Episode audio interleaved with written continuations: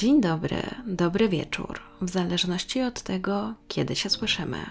Dzisiaj wracam z serią Missing 411. Ostatnio sporo o nią pytaliście w komentarzach i choć wiem, że nie jest to może najpopularniejsza seria na tym kanale, to jednak uznałam, że warto, aby pojawiała się co jakiś czas. Pojawiły się też komentarze z prośbą o krótsze odcinki i to będzie jeden z nich, chociaż i tak go trochę wydłużyłam, bo zdecydowałam, że opowiem Wam dzisiaj o dwóch sprawach. Początkowo chciałam Wam tylko opowiedzieć o zaginięciu czterolatka, ale potem uznałam, że w zasadzie połączę dwie historie o dwóch bardzo zagadkowych zaginięciach. Dzieli je sporo, bo i czas, i miejsce, i wiek osób zaginionych, ale mam wrażenie, że łączy właśnie ta nuta tajemniczości. I bardzo jestem ciekawa, co Wy o tych sprawach myślicie. Jeśli lubicie tę serię, to będę wdzięczna za udostępnienie odcinka.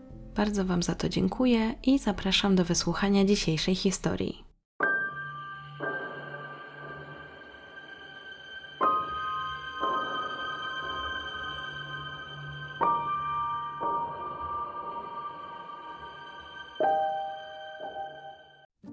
Trzeciego lipca 1938 roku Rodzina Bielharców skorzystała z weekendu z okazji Dnia Niepodległości, aby wybrać się na kemping w Parku Narodowym Gór Skalistych w Colorado.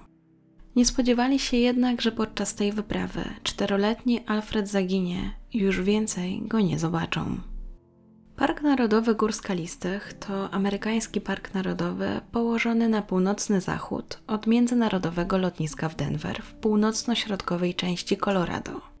Jego granice zostały ustanowione w 1915 roku przez prezydenta Wilsona, a obszar tego parku wynosi 1078 km2.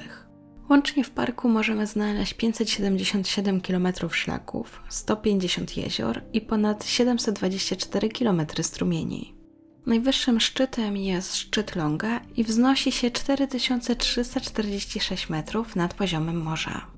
Park ten jest więc pełen pięknych krajobrazów, dzikich zwierząt, różnych klimatów i środowisk. Do tego przechodzą przez niego trzy drogi, w tym jedna autostrada zwana także drogą szlakowego grzbietu. A nazwę tę zawdzięcza od nazwy grzbietu górskiego. I jest to najwyższa nieprzerwana droga w całych Stanach Zjednoczonych. I właśnie do tego miejsca William Harvey postanowił zabrać całą swoją rodzinę, w tym dziesięcioro dzieci. Mieszkali w Denver w Colorado, więc nie mieli tu daleko, a Dzień Niepodległości był idealną okazją na to, aby na chwilę wyrwać się z miasta. W planach był krótki wypad na ryby, podziwienie widoków i odpoczywanie na łonie natury. Celem był Estes Park i żeby tam dotrzeć, trzeba było ruszyć szlakiem w pobliżu strumienia o nazwie Roaring River. Ponieważ było ich sporo, to uznali, że najlepiej będzie, jeżeli będą wędrowali gęsiego. Wędrówkę rozpoczęli o godzinie 8 i planowali, że ich pierwszym przystankiem będzie Estes Park i tam będą łowili rybę. Oprócz 12-osobowej rodziny Bilharców byli także z nimi ich znajomi. Obóz rozbili 400 metrów od rzeki. Wybrali miejsce, które znajdowało się na południe od zachodniego wyjścia z parku, w którym byli. Właściwie te 400 metrów dalej łączyły się ze sobą dwie rzeki. Do tego był tam także wodospad, więc widoki były niesamowite. Na miejscu rozbili się 2 lipca i pierwszy dzień minął im spokojnie, także noc. Następnego dnia, 3 lipca, William obudził się z rana i postanowił iść do pobliskiego strumienia, aby się trochę obmyć. Poszedł z nim też jego czteroletni syn Alfred. W tym czasie dwóch mężczyzn, którzy byli przyjaciółmi tej rodziny, także postanowili iść się odświeżyć, tylko że wybrali inną lokalizację. Poszli około 150 metrów dalej od Williama i Alfreda. Gdy William skończył się myć, stwierdził, że czas już wracać. Z daleka widział, że jego znajomi Oran i Walter są jeszcze nad wodą, co także nie uszło uwadze jego synowi i mały Alfred zapytał, czy mógłby do nich podejść.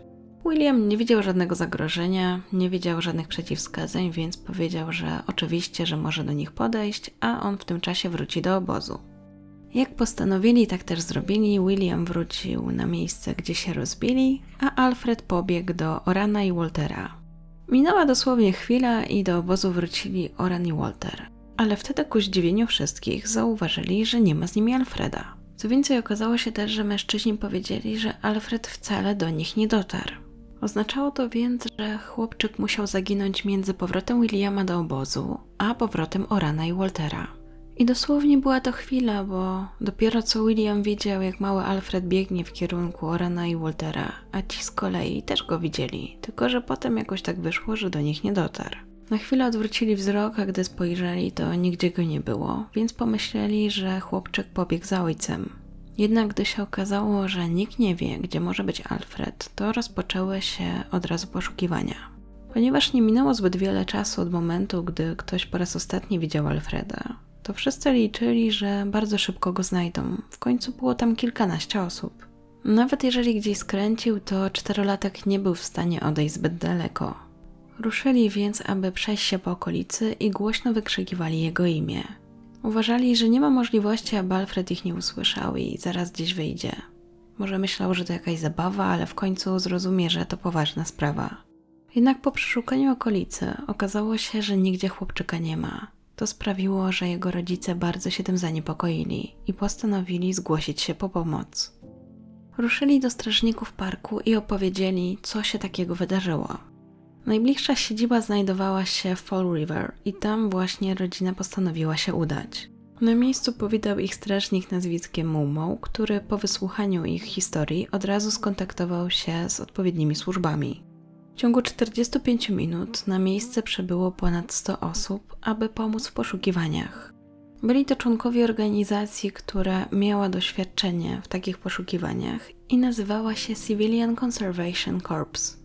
A zatem członkowie tego korpusu, wolontariusze oraz rodzina Alfreda ruszyli, aby ponownie przeczesać teren. Niestety te działania nic nie dały i wkrótce postanowiono, że należy zmienić taktykę, że być może chłopczyk wcale nie zgubił się w lesie, ale wpadł do rzeki. Ponieważ była to hipoteza, która była chyba najbardziej prawdopodobna, to strażnicy postanowili, że trzeba zatamować rzekę, zmienić w ten sposób jej kierunek i dzięki temu zwiększyć szanse na odnalezienie chłopca. Zakładano, że rzeką, do której mógł wpaść, była właśnie Roaring River. Brano też pod uwagę, że chłopiec może już nie żyć. Łącznie postanowiono sprawdzić 10-kilometrowy odcinek rzeki, który później przeszukiwano przez 5 dni. Nie natrafiono jednak na żaden ślad Alfreda. Tamy przygotowano z drutu kolczastego, więc nie było możliwości, aby ciało dziecka, jeżeli tam by się znajdowało, nie zostało na niej zatrzymane.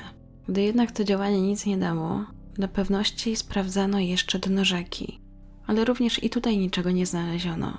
Dlatego łącznie po pięciu dniach zrezygnowano z takiego działania, uznając, że chłopca w rzece nie było. Rodzice Alfreda przyglądali się tym działaniom, ale nie wierzyli w te teorie. Nie wierzyli, że ich syn wpadł do rzeki. Mieli swoją hipotezę. Uważali, że Alfred został uprowadzony. Byli pewni, że sam siebie nie oddaliłby się od dorosłych. Natomiast byli sceptyczni co do tego, że wpadł do rzeki, bo uważali, że na pewno by coś słyszeli, że przecież to byłby głośny plusk i zwróciłby ich uwagę. Dlatego cały czas mówili strażnikom, że są niemal pewni, że musiał zostać uprowadzony. W związku z tym strażnicy zdecydowali się, aby poprosić pobliskie więzienie o udostępnienie psów, które pomogłyby w poszukiwaniach. Więzienie stanowe w Colorado się zgodziło i udostępniło swoje psy. Wkrótce zwierzęta podjęły trop i wybrały zaskakującą trasę, bo nie pobiegły w tę stronę, gdzie po raz ostatni był Alfred widziany, czyli tam nad rzeką między Williamem właściwie a tymi dwoma mężczyznami, tylko wybiegły do przodu przed obozowisko, tak jakby w ogóle w drugą stronę poszedł, a tego dnia nie poszedł na ten strumień. Uznano, że może coś jest nie tak z psami, może im się coś pomyliło albo wyłapały inny zapach, dlatego sprowadzono inne psy.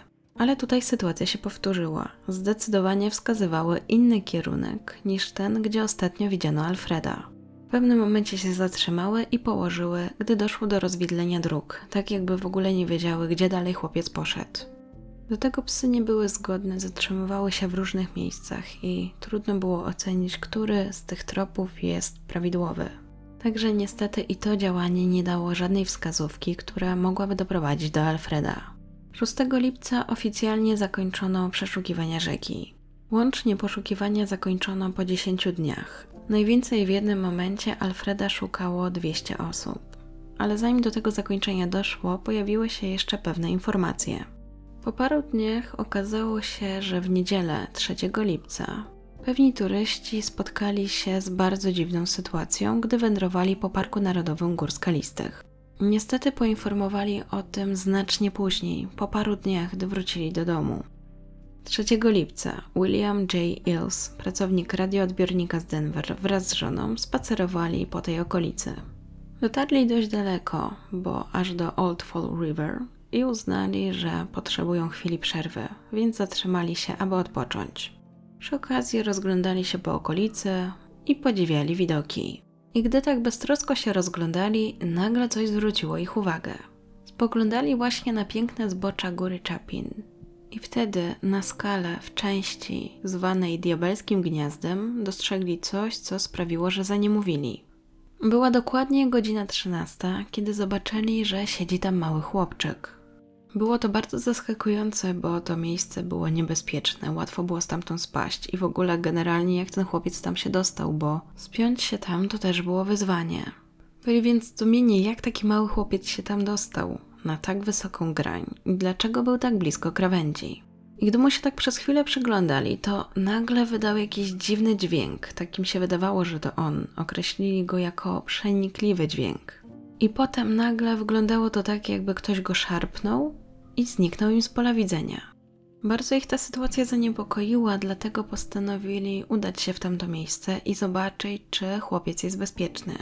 Ale kiedy dotarli na miejsce, a byli dokładnie tam, gdzie widzieli, że siedział, to nikogo tam nie zostali. Po drodze też nikogo nie spotkali, więc nie wiedzieli, co się mogło z tym chłopcem stać. Wędrując, nie mieli okazji usłyszeć o tym, że Alfred zaginął, Dopiero gdy wrócili na parking, tam gdzie zostawili samochód, to usłyszeli od kogoś, że poszukiwany jest mały chłopczak. Podobna informacja pojawiła się także w radiu, więc gdy tylko wrócili do domu, to kupili aktualną gazetę i tam sprawdzili, czy są jakieś informacje o tym zaginięciu. W gazecie pojawiła się informacja o poszukiwaniach czteroletniego Alfreda i było tam także jego zdjęcie. Gdy małżeństwo na nie spojrzało, byli pewni, że to właśnie tego chłopca widzieli wtedy na skale. Zadecydowali więc błyskawicznie, że muszą wrócić do tego parku i skontaktować się ze strażnikami. Przekazali im swoją historię. Ci jednak uważali, że to raczej mało prawdopodobne, że Alfred tam zawędrował. Co wynikało z tego, że między miejscem, gdzie ostatni raz był widziany, a tym, gdzie teoretycznie widzieli go ci ludzie, było jakieś 10 kilometrów. Ale mimo wszystko dla pewności postanowili sprawdzić to miejsce i wysłano tam grupę ponad 150 mężczyzn. Przeszukali dokładnie teren, ale niczego nie znaleźli. Doszli też do wniosku, że Alfred nie byłby w stanie wspiąć się w podanym czasie bez specjalistycznego sprzętu, doświadczenia i odpowiednich umiejętności wspinania się po potężnym klifie. I trzeba przyznać, że faktycznie byłoby to mało prawdopodobne, że czterolatek sam pokonał taki obszar, a potem wspiął się na taką grań. Kolejna informacja pojawiła się 8 lipca, gdy FBI ogłosiło, że przeprowadza badania kryminalistyczne na kawałku zabrudzonego bandaża. Znaleziono go w opuszczonej chacie w parku i podejrzewano, że mógł należeć do Alfreda. To, że ujawniono te informacje, wynikało z tego, że rodzice chłopca bardzo nalegali na to, aby wziąć pod uwagę to, że Alfred został uprowadzony. Dlaczego ten bandaż tak zainteresował FBI? Dlatego, że jego matka twierdziła, że zanim chłopczyk zniknął, to miał pęcherz na stopie i takim właśnie materiałem mu ją owinęła. Później już oficjalnie nie podano, jakie rezultaty otrzymano, ale możemy podejrzewać, że skoro właśnie nie podano tych informacji, to niczego one nie dały. Ostatnią kwestią w tej sprawie była informacja, która pojawiła się od kobiety o nazwisku Lynch. Pani Lynch mieszkała w Big Spring w stanie Nebraska i twierdziła, że widziała Alfreda oraz tajemniczego mężczyznę, gdy razem szli autostradą. Kojarzyła, jak wyglądał chłopczyk, bo dopiero co czytała gazetę i tam była informacja o jego zaginięciu. Więc gdy akurat jechała z mężem autostradą, bo wybierali się do pobliskiej miejscowości, to mały chłopczyk zwrócił jej uwagę. Była nieugięta i twierdziła, że na 100% to był właśnie Alfred. Na początku podzieliła się tą informacją ze swoim szwagrem, a dwa dni później ten udał się na rozmowę z sierżantem w Denver i przekazał mu informacje, jakie posiadał od swojej szwagierki. Mimo, że kobieta była niemal pewna, że to był Alfred, niestety nie było jak tego potwierdzić. W związku z tym ta informacja wiele nie pomogła. W tej sprawie nic się nie działo aż do 27 listopada 1938 roku. Łącznie Alfreda nie było już w domu ponad 5 miesięcy, a jego bliscy byli wciąż zrozpaczeni, wierząc, że w końcu się odnajdzie. Więc gdy otrzymali list z żądaniem okupu, to na chwilę odzyskali nadzieję. Anonimowy nadawca twierdził, że porwał Alfreda, za co przeprasza, że pojechali razem na zachód, a teraz im brakuje pieniędzy. Chłopiec ich nie lubi i chcą go zwrócić. Ale pod warunkiem, że otrzymają 500 dolarów. W liście napisano także, gdzie te pieniądze umieścić. Rodzina miała je zostawić w puszce, jedną przecznicę od ich domu. I taka dygresja 500 dolarów wtedy to równowartość 9193 dolarów w 2020 roku. I jeśli te żądania zostałyby przez rodzinę spełnione, to zwrócą im syna w ciągu 24 godzin. Mimo, że treść listu brzmiała obiecująco, bo wskazywała na to, że Alfred żyje, to jednak rodzina nie do końca była przekonana, co robić i zgłosili się z nim na policję. W końcu, po przeprowadzeniu śledztwa, policja była pewna, że to oszustwo. Ogłosili to później oficjalnie. Przekazano do wiadomości publicznej, że policjanci mają na oku dwóch podejrzanych, ale nie ujawnią ich danych. Zostaną oni natomiast oskarżeni o próbę wyłudzenia pieniędzy od rodziny. O tym, że była to mistyfikacja, oficjalnie wydano oświadczenie 30 listopada. Ogólnie też nie podano zbyt wielu wiadomości na ten temat i w zasadzie później trudno też było coś znaleźć na temat poszukiwania Alfreda. Ostatnim artykułem, jaki znalazłam, był artykuł z 1939 roku, gdy Alfreda w domu nie było już od roku. Pojawiła się tam informacja, że jego rodzina wciąż wierzy, że chłopczyk się odnajdzie i wciąż na niego czekają. Podkreślili też, że to niemożliwe, że chłopiec wpadł do rzeki. Jego ojciec wierzył, że został porwany i teraz przebywa po prostu w innym mieście. Dodał także, że jego zabawki w pokoju wciąż leżą tak, jak je zostawił i wierzą, że któregoś dnia przyjdzie i jeszcze się nimi pobawi. Dalszych informacji już na temat Alfreda nie znalazłam. W związku z tym, przy artykułach na jego temat do dzisiaj pojawia się informacja, że nie został nigdy odnaleziony. Jeżeli chodzi o teorie, to znalazłam takie trzy. Pierwsza z nich jest taka, jak uważali policjanci, czyli że był to wypadek, chłopczyk wpadł do rzeki i po prostu popłynął wraz z nurtem, potem prawdopodobnie zmarł. A przeszukania rzeki nie były po prostu wystarczające. Może źle obliczono odległość, albo nie zrobiono tego poprawnie. Druga hipoteza to ta, w którą wierzyli rodzice Alfreda, czyli że został porwany. Do tego pojawił się jeszcze list z żądaniem okupu, co sprawiło, że zwolennicy tej teorii wierzyli, że coś było na rzeczy. Teoretycznie policja powiedziała, że to mistyfikacja, ale nie poparto tego żadnymi konkretnymi dowodami. Do tego mamy jeszcze obserwację małżeństwa z 3 lipca, które spacerowało wtedy w tej okolicy i dostrzegło jakiegoś chłopca, więc może naprawdę z kimś tam był. I ta obserwacja wcale nie była błędna albo jakimś cudem się tam wdrapał i zaatakowało go na przykład zwierzę. Tylko czy faktycznie czterolatek byłby w stanie przejść 10 km zaledwie kilka godzin? I ostatnia teoria to to, że ktoś po prostu zrobił mu krzywdę, być może ktoś z członków rodziny, a potem dowody zostały zatuszowane, albo jednak było to zwierzę. Jak uważacie, która z tych teorii według Was jest najbardziej prawdopodobna? Ja przyznam, że w pierwszej kolejności też pomyślałam o tej rzece. Z drugiej strony to zastanawiające, że trzech dorosłych tak szybko straciło z oczu czterolatka, w zasadzie w tak niewielkiej odległości.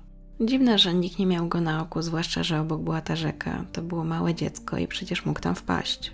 Ale też wiem, że w tamtych czasach podejście do dzieci było trochę inne niż dzisiaj. Mam wrażenie, że dzisiaj dużo bardziej uważamy na dzieci.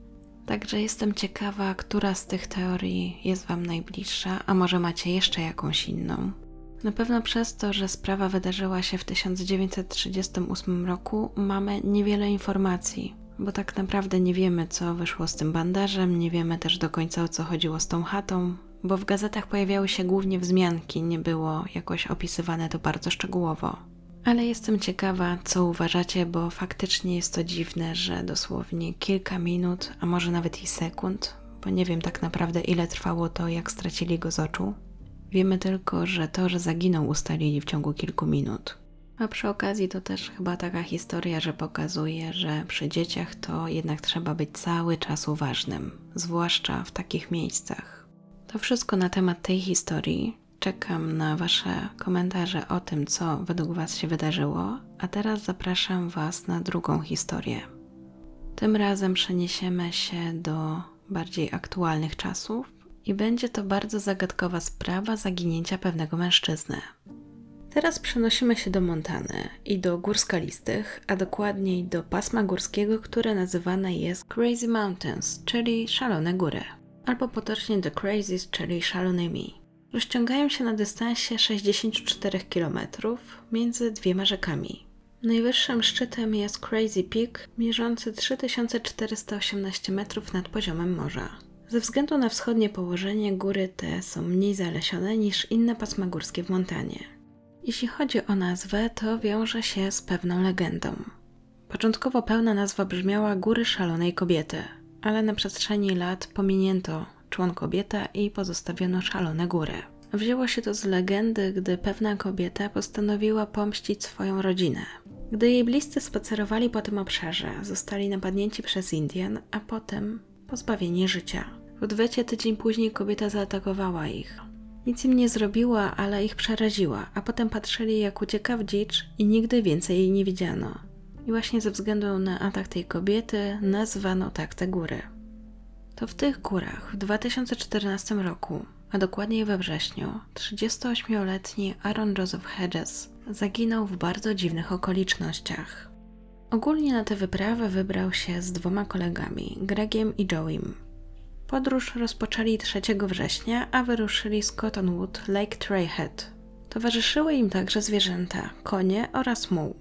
Mężczyźni byli w dobrych nastrojach, nie mogli doczekać się tej wyprawy. Wszystko szło zgodnie z ich planem, a wkrótce dotarli do miejsca zwanego Campfire Lake. Tam jednak natknęli się na pewną przeszkodę i doszło do nieprzyjemnej sytuacji. Nie do końca wiadomo, co było tego przyczyną, ale muł się spłoszył, a w efekcie część bagaży, w tym śpiwór Arona, zostały utracone. Na szczęście mężczyźni przygotowali się i na taką ewentualność i zrobili potrzebne zapasy. Wśród nich były także dodatkowe śpiwory. Tylko, że zostawili je w miejscu, które nazywało się Sunlight Lake. Aaron był doświadczonym myśliwym. Dlatego to miejsce nie znajdowało się tak daleko, dlatego postanowił, że pójdzie sam. Oczywiście jego doświadczenie nie polegało tylko na tym, że był myśliwym, ale także na tym, że bez problemu poruszał się po takich terenach. Miał też przy sobie krótkofalówkę, telefon komórkowy, broń i łuk, więc nikt nie sprzeciwił się jego pomysłowi i mężczyzna wkrótce wyruszył. Jego koledzy byli pewni, że to kwestia kilku godzin i niedługo do nich dołączy. Aaron też miał takie poczucie, bo odchodząc powiedział im, że pójdzie, zbierze te zapasy i wróci jakoś przed zmrokiem. Nikt z nich nie spodziewał się, że to ostatni raz, kiedy widzą go żywego. Ogólnie jeśli chodzi o to rozdzielanie się, to też dla nich nie było nic nowego, dlatego że jako myśliwi często tak robili. Wybierali się gdzieś razem, a potem każdy szedł swoją stronę. Samo to, że byli przygotowani na różne sytuacje i mieli te zapasy, pokazywało, że faktycznie mają doświadczenie i potrafią sobie radzić w różnych sytuacjach. Przez ten czas mężczyzna skontaktował się z nimi tylko raz. Przekazał im przez krótkofalówkę, że chyba przegapił skręt, a oni powiedzieli mu, że powinien wrócić na szlak i potem do nich. Tego dnia więcej mężczyzna się już nie odezwał. Nadeszła noc, a Arona dalej nie było. Początkowo jego znajomi pomyśleli, że pewnie pojawi się rano. Skoro im przekazał, że przegapił skręt, to pewnie droga się wydłużyła i uznał, że lepiej będzie tam przenocować i rano do nich wróci. Tylko, że kiedy mijały kolejne godziny, a Aaron wciąż się nie pojawiał, to powoli zaczynali się o niego martwić. W pierwszej kolejności próbowali się z nim skontaktować przez krótkofalówkę, ale nie było żadnej odpowiedzi. Ogólnie był to całkiem nowoczesny sprzęt, posiadał też GPS, więc w ten sposób mogli go namierzyć. Natomiast ostatni sygnał GPS znajdował się w miejscu, gdzie mężczyzna się zgłaszał, że przegapił ten skręt. I przez kolejne godziny, a potem dni nic się nie zmieniało. A mówię dni, bo mężczyźni postanowili zaczekać na Arona, licząc, że w końcu znajdzie drogę powrotną do nich i znów się spotkają.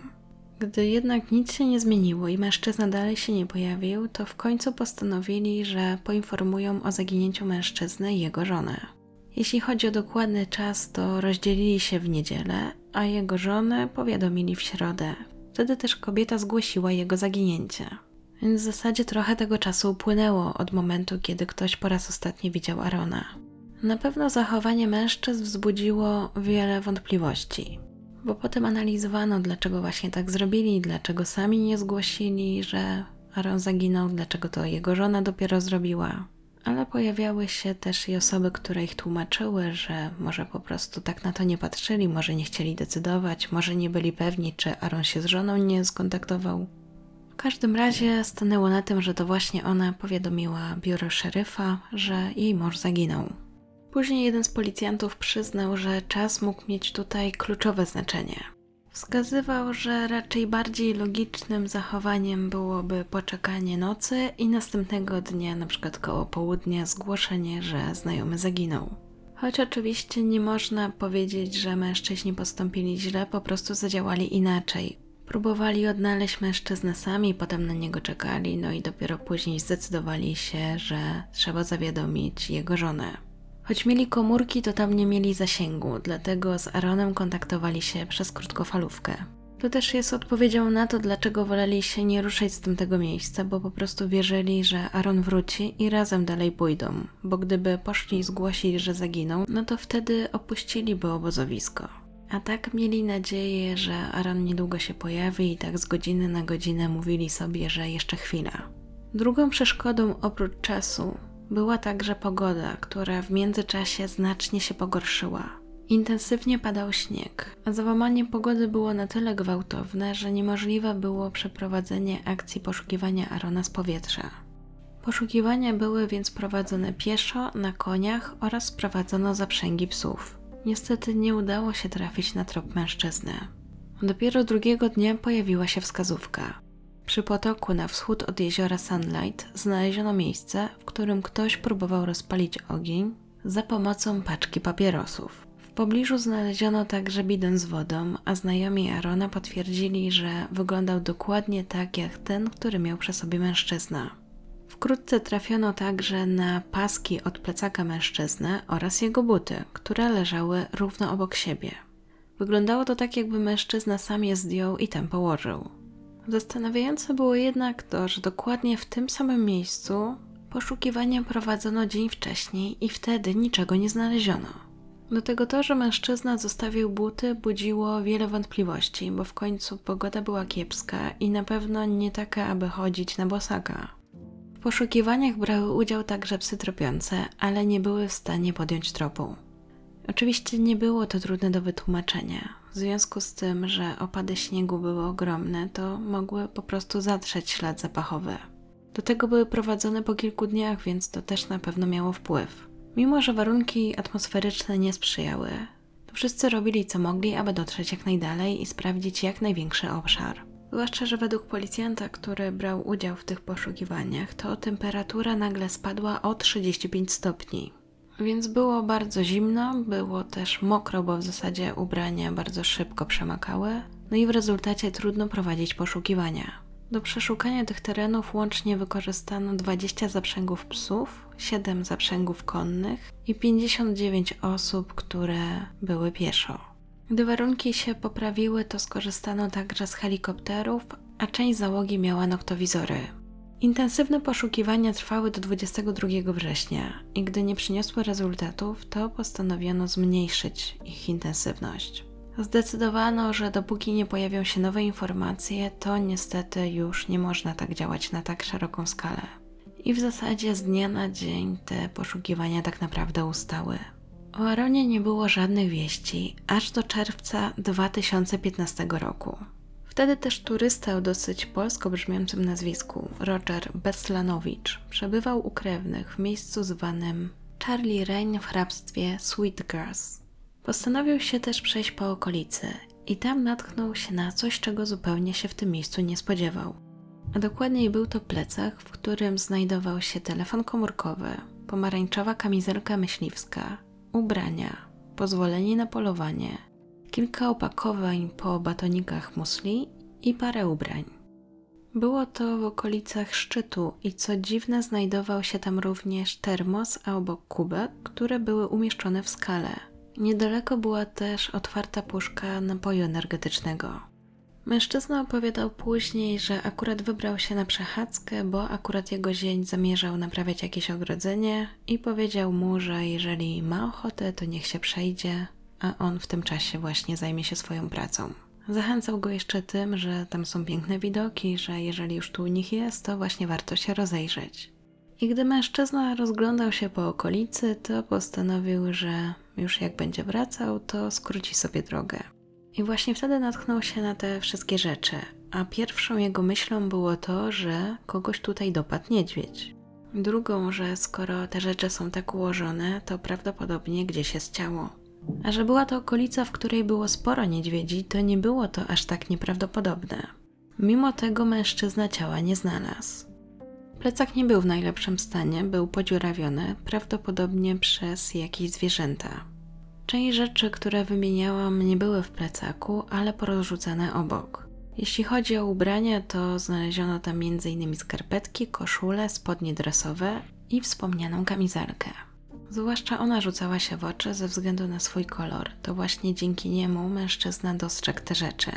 Potem Beslanowicz zaczął myśleć, że może jakiś myśliwy spoza stanu zamarzł, zdezorientował się i chciał wrócić do domu, ale na przykład nie mógł znaleźć swoich rzeczy.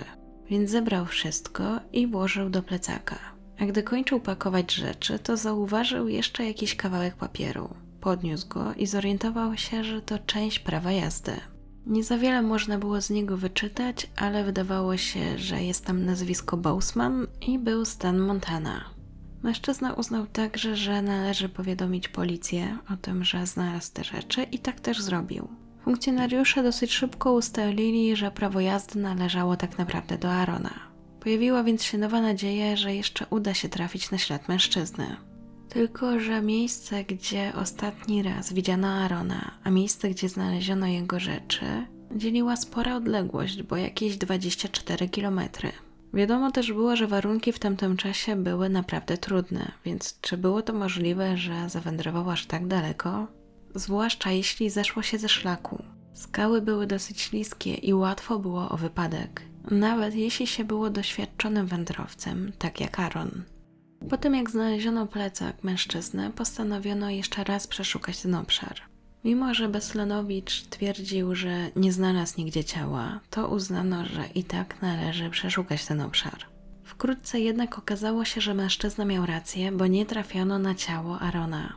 Nie zakończono jednak poszukiwań i poszerzono ich obszar. W końcu, około 1,5 kilometra od miejsca, w którym znaleziono plecak Arona, 25 kilometrów od miejsca, w którym był po raz ostatni widziany, i 10 kilometrów od miejsca, gdzie znaleziono jego buty, na coś trafiono.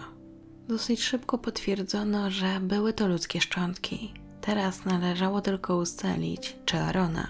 Najdziwniejsze było to, gdzie one się znajdowały, bo w zasadzie niedaleko było rancho i niedaleko była droga, która była regularnie używana. Jak to więc możliwe, że mężczyzna nie dał rady tam dotrzeć i uzyskać pomocy? Wyglądało to tak, jakby się zatrzymał, być może, żeby się napić, a z tego miejsca na pewno widział dom znajdujący się na pobliskim ranczu. Czy nie miał już po prostu sił, osłab i, mimo że był tak blisko, to nie dał rady tam dojść? Wkrótce potwierdzono, że szczątki należały do Arona. Nie udało się jednak ustalić przyczyny śmierci, ponieważ ani czaszka, ani żadna z jego innych kości nie wskazywały na jakiekolwiek obrażenia. Jeśli chodzi o tę sprawę, to przedstawię Wam teraz kwestie, które budzą wątpliwości. Pierwszą z nich jest to, dlaczego Aaron przegapił skręt. Szlak był bardzo dobrze oznaczony. Do tego był wyposażony w system GPS, a mimo to nie trafił tam, gdzie powinien. Oprócz tego, że szlak był dobrze oznaczony, to od razu było widać, że się z niego schodziło, bo pojawiały się na przykład gęste zarośla. Kolejna zagadka to to, że jak to się stało, że założył obóz w miejscu, w którym dzień wcześniej szukali go wolontariusze i policjanci, a potem następnego dnia zostawił tam buty i przeszedł około 10 km po nierównym terenie przez śnieg i znów, skoro minął się z osobami, które go poszukiwały, były tam też psy, to dlaczego jednak nie wyczuły jego zapachu? I co się w takim razie stało z Aaronem? Czy się po prostu zgubił, czy wydarzyło się coś innego? Oficjalne wyjaśnienia były takie, że prawdopodobnie miał hipotermię, a ta wpłynęła na dezorientację, co spowodowało, że błąkał się bez celu i dlatego tak dziwnie zachowywał. Na przykład zostawiając swoje buty, bo mógł mieć wrażenie, że jest mu za gorąco. Pojawiła się też hipoteza, która w pewnym sensie mogła wyjaśnić, dlaczego uciekał przed osobami, które go szukały. A mianowicie chodziło o to, że on i jego przyjaciele polowali na obszarach, na których nie powinni, czyli kłusowali. Tylko, że ta teoria nie wyjaśnia wszystkich wątpliwości, które przy tej sprawie się pojawiają. Oczywiście faktycznie mogło być tak, że był to po prostu przypadek hipotermii, której towarzyszyła na przykład psychoza. Tylko na przykład kwestia tego, że mężczyzna dotarł do miejsca, do którego wydawało się, że chciał dotrzeć. Bo było to miejsce, gdzie już był blisko cywilizacji i mógł uzyskać pomoc. Więc co stanęło mu na drodze? Greg Todd, który kierował działem poszukiwawczo-ratowniczym hrabstwa Park, również nie był w stanie wyciągnąć jednoznacznych wniosków. Przyznał, że jest wiele pytań bez odpowiedzi i tak naprawdę nie mają pewności, co stało się z mężczyzną. A jedynie co mogą teraz robić, to spekulować. W związku z tym dochodzenie w tej sprawie pozostawało otwarte. I co ciekawe, przez ten czas, gdy trwało dochodzenie, to funkcjonariusze nie ujawniali, z kim na tym polowaniu był Aaron. W sensie do wiadomości publicznej nie podano imion i nazwisk jego współtowarzyszy. Było to też tłumaczone w ten sposób, że skoro nie wiadomo było dokładnie, co się stało, i nie wiadomo było, czy nie pojawi się jakiś przełom, i na przykład nie okaże się, że jest to sprawa, w której doszło do jakiegoś przestępstwa, to w tym momencie woleli nie ujawniać tych danych. Jednak po pewnym czasie śledczy doszli do wniosku, że gdy przeanalizuje się wszystkie informacje od początku do końca, to raczej dochodzi się do wniosku, że mężczyzna pojechał tam, żeby polować, a potem nadeszła zła pogoda i w efekcie doszło do nieszczęśliwego wypadku. Jeżeli chodzi o teorie, które pojawiają się w internecie na temat tej sprawy, to są one naprawdę różne. Nawet takie, że przeszedł do innego wymiaru, albo przez jakiś portal, albo że porwało go UFO. Według użytkownika Reddita Winner możliwym wytłumaczeniem jest następująca teoria. Aaron udał się do miejsca, gdzie zostawili rzeczy na zapas. Coś jednak sprawiło, że nie mógł tam dotrzeć. A tym czymś właśnie miało być to, że przeniósł się do innego wymiaru. Dlatego jego znajomi stracili z nim łączność, a GPS pokazywał, że się nie przemieszcza. Jeśli o mnie chodzi, to chyba raczej bywam sceptyczna przy takich teoriach, choć rozumiem skąd się tutaj pojawia, bo w pewnym sensie tłumaczyłaby niektóre aspekty tej sprawy. Myślę, że bardziej skłaniałabym się ku takim wyjaśnieniom właśnie jak ta hipotermia, dezorientacja. To wydaje mi się bardziej logiczne, ale to moja opinia. Jestem ciekawa, jak Wy podchodzicie właśnie do takich spraw, że może ktoś przeszedł przez inny portal albo porwało go UFO. Natomiast już poza artykułami, bardziej na forach znalazłam informacje, które mnie zastanowiły. Głównie były to komentarze z Reddita i tam wskazywano na to, że wcale nie odzyskano całego szkieletu. A jeden z użytkowników wskazywał, że w filmie na ten temat dokumentalnym mówiono, że znaleziono tylko jego czaszkę i miednicę, natomiast ja na taką informację nie trafiłam. Tego dokumentu też nie widziałam, więc nie mogę potwierdzić, nawet nie mam pewności, jaki tytuł ma ten dokument. Na forum pojawiła się także informacja, że w plecaku była broń Arona. I jeśli chodzi o ten plecak, to pojawia się jeszcze na Reddicie porównanie, że w tym filmie dokumentalnym wspominano, że plecak był oparty o drzewo, a przedmioty wcale nie były porozrzucane, tylko właśnie ładnie ułożone. Dużo uwagi poświęca się także butom. Wiele osób zastanawia się, że właściwie nie ma powodu, dlaczego Aaron zostawił te buty. Przypominam, że też przy tych butach były odcięte dwa paski z plecaka, takie, które podtrzymują ten plecak. Nie wiem, jak to dobrze wytłumaczyć, ale chodzi o te paski, co zapinamy z przodu na klatce piersiowej i na przykład brzuchu, żeby właśnie trochę łatwiej nam się go niosło. I w zasadzie nie znalazłam wytłumaczenia, dlaczego one zostały odcięte, bo to mało logiczne w zasadzie, że zostały odcięte, skoro pomagały nieść plecak. W sensie nie potrafię sobie wyobrazić, w czym Aaronowi mogły przeszkadzać. Może wy macie większe doświadczenie z takimi plecakami i macie pomysł. Osobiście chyba najbardziej jestem zaskoczona tym, że naprawdę wiele osób popiera teorię, że tutaj Aaron użył tego portalu, że naprawdę się przeniósł w czasie. Może dlatego, że mnie osobiście to nie przekonuje, ale chciałam Wam właśnie o tym powiedzieć, bo myślę, że warto o tym wspomnieć. W każdym razie wniosek jest taki, że żadna teoria nie jest w pełni w stanie wyjaśnić, co przydarzyło się mężczyźnie. Trochę mi się kojarzy jedna ze spraw, którą opowiadałam Wam już tutaj w ramach tej serii.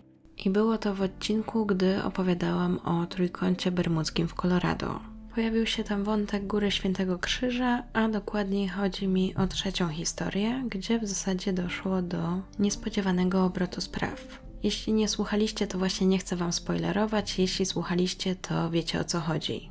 W każdym razie chodzi o mężczyznę, który rozdzielił się z bratem i także musiał sobie jakoś poradzić. I częściowo pojawiły się tam podobne zachowania. On też tam z ubraniami trochę kombinował, też z butami, i zostało to wyjaśnione, dlaczego tak robił. Więc, mając w głowie tamtą historię, wydaje mi się, że hipotermia może być tutaj odpowiedzią.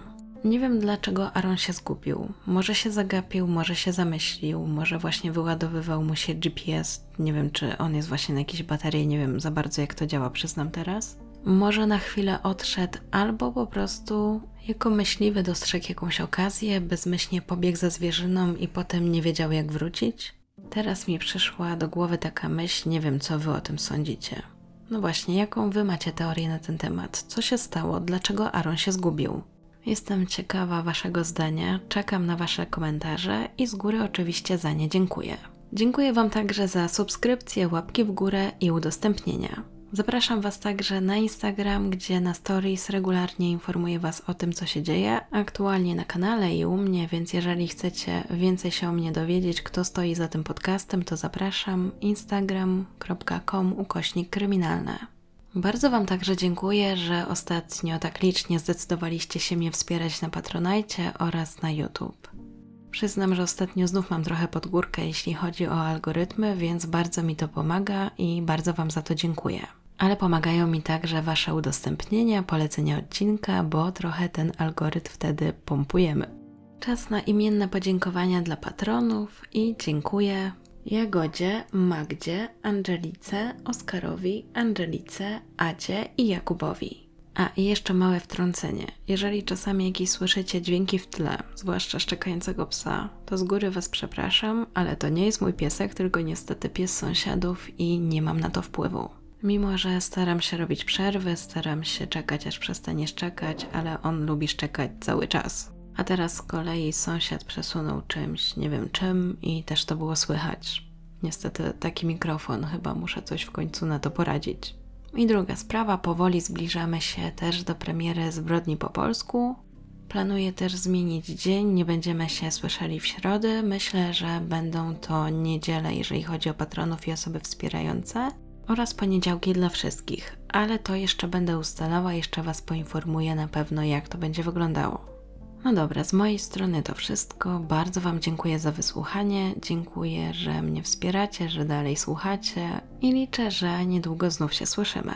Życzę Wam dobrego dnia, dobranoc, do usłyszenia.